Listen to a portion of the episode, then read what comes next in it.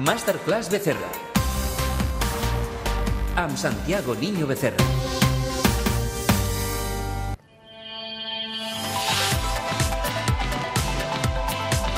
Molt contenta de saludar una nit més Santiago Niño Becerra. Què tal? Bona nit. Què tal? Bona nit. Chantal, bona nit. Què tal? Si ara tinguéssim un termòmetre a les mans, Santiago, aquests termòmetres que ara estan tan presents a les nostres vides, quina temperatura tindria la societat, Santiago? Molta febre? La, socie la societat... Mm. La societat ara està... està bueno, clar, és la societat i és l'economia, evi, evi, evidentment. Eh, la societat ara té un nivell de temperatura molt alta, eh? és a dir, però molt alta, és a dir, té febre, febre important, eh? febre important.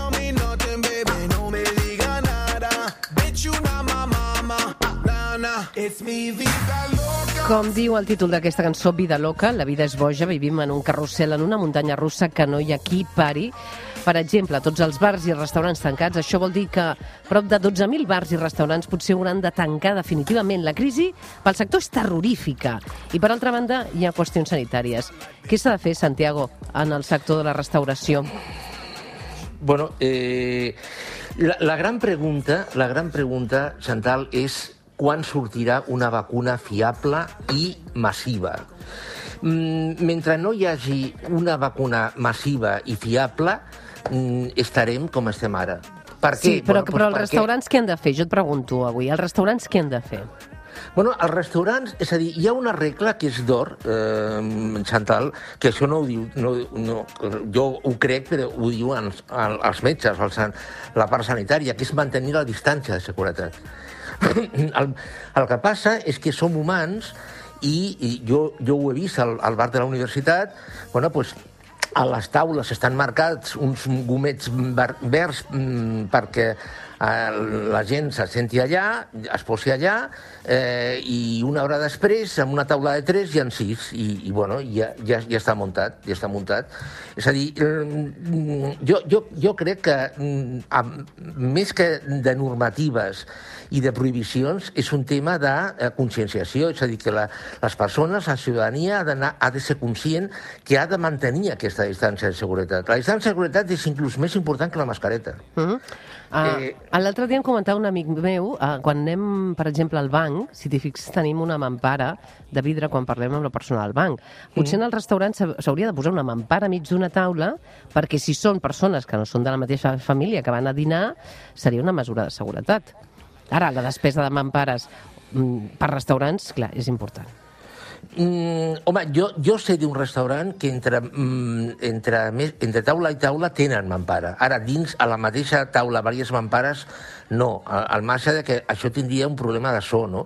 Jo crec que, que bàsicament, el que ens hem de conscienciar és mantenir la, la, la distància de seguretat. Jo crec que això és, és, és fonamental. Eh, en un restaurant, evidentment, és molt més fàcil Clar. que en un bar. En un bar pues, bueno, és, és complicat, és molt complicat. Tu deies l'altre dia, un de cada cinc catalans viu al llindar de la pobresa. Fa mm. poc ho ressaltaves a Twitter. Com es combat aquest drama?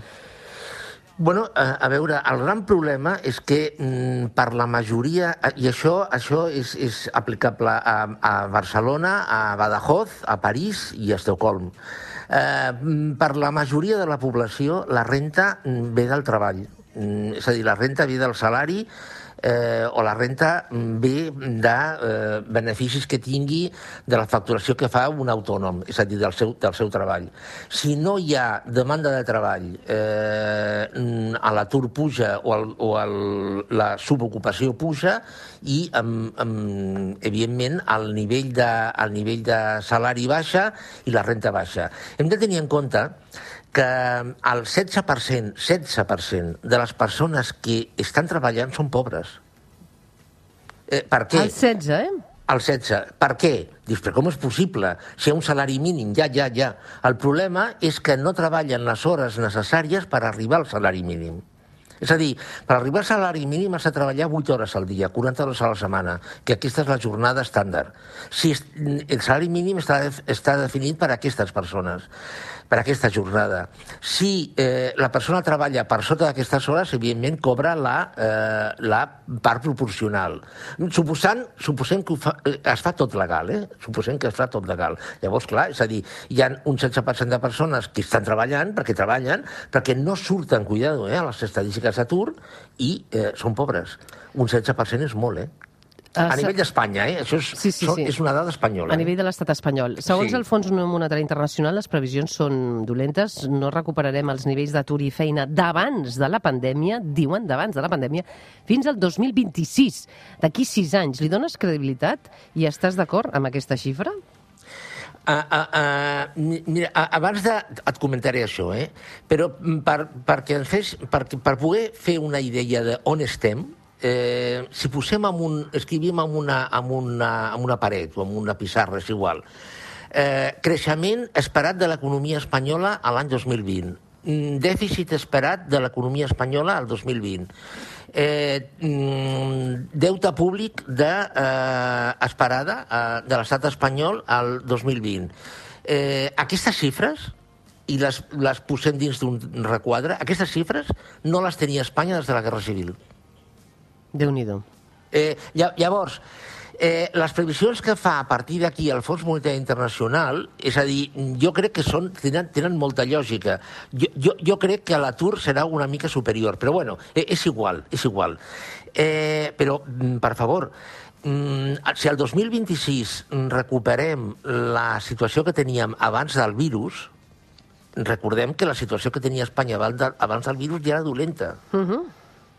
Com creus, Santiago, que hauria encarat una Catalunya, eh? si, si ara fóssim independents, que no ho som, una Catalunya independent, aquest drama econòmic del Covid, eh, si haguessis estat, seríem on som ara? Estaríem millor, pitjor? Què creus? Estaríem clarament millor. Millor, sí? Sí, Però sí. necessiten les ajudes també d'Europa i les ajudes sí, internacionals. Bueno, a, a, a veure, no, no, no estaríem perfectes. És a dir, Chantal, tu m'has preguntat, estaríem millor o pitjor? Eh, estaríem millor per dues raons. Primer, perquè es podrien haver pres mesures que no s'han pogut prendre eh, perquè depenien de l'Estat, perquè la, la legislació espanyola diu que tal i tal i tal s'ha de prendre des de Madrid, no, no, no està transferida a les regions, a les comunitats autònomes, certes decisions, etc etc. És a dir, s'ha perdut temps. S'ha perdut, perdut temps o no s'ha pogut fer. I en segon lloc, tindríem, evidentment, el dèficit fiscal interregionals eh, que, que no tenim, el tindríem, uns 16.000 milions més o menys, eh? eh, anuals. Llavors estaríem, estarien menys malament, per descomptat. Que necessitaríem ajuts europeus? Evidentment, per, per descomptat. Bueno, escolta'm una cosa, mm, eh, eh, Chantal, això és molt fàcil. Tu, tu compara com està Euskadi i la resta d'Espanya, i Euskadi no és independent, eh? Eh, El és que té una autonomia, mm, és a dir, molt més avançada que la nostra eh, i a nivell autonòmic i fiscal pues, eh, moltíssim més. Bueno, mm, tu mira com està Euskadi i com, i com està la resta, és a dir, és així de fàcil. Uh -huh. Molt bé, doncs avui amb el Santiago hem anat repassant. Recordar que hi ha xifres oficials eh, que diuen que amaguen 2,5 milions de parats ocults a Espanya, que aviat podran començar a ser mm, parats oficials i, per tant, aquesta xifra també anirem coneixent. Com sempre, un repàs a, a l'economia. Eh, sempre et diuen que no ets gaire optimista, però amb aquesta mania. pandèmia... Eh, bueno, que mania. Amb aquesta pandèmia no es pot ser gaire. I m'agrada amb tu que expliquem aquestes dades i que les anem contrastant. Santiago Niño Becerra, gràcies. A tu, Fins d'aquí bona 15 nit. dies, gràcies.